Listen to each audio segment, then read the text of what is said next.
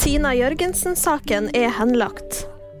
Millioner av barn er ramma av jordskjelv.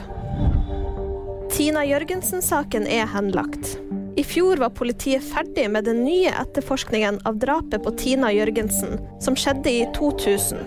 Riksadvokaten har nå avgjort at siktelsen mot 52 år gamle Jonny Vassbakk blir henlagt. Det skriver Stavanger Aftenblad. Dermed står saken fortsatt uoppklart. Ja, reaksjonen er jo eh, skuffelse, eh, selvfølgelig.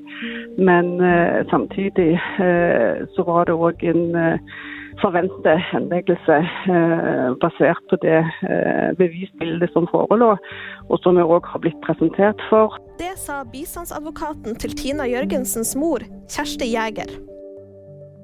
Over syv millioner barn er ramma av jordskjelvene i Tyrkia og Syria. Det fastslår FNs barnefond UNICEF.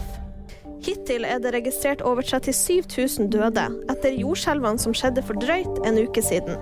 Det er frykt for at mange flere tusen mennesker har dødd. Det sier Unicefs talsmann James Elder. Og Det var VG nyheter, og de fikk du av meg, Live Auskar.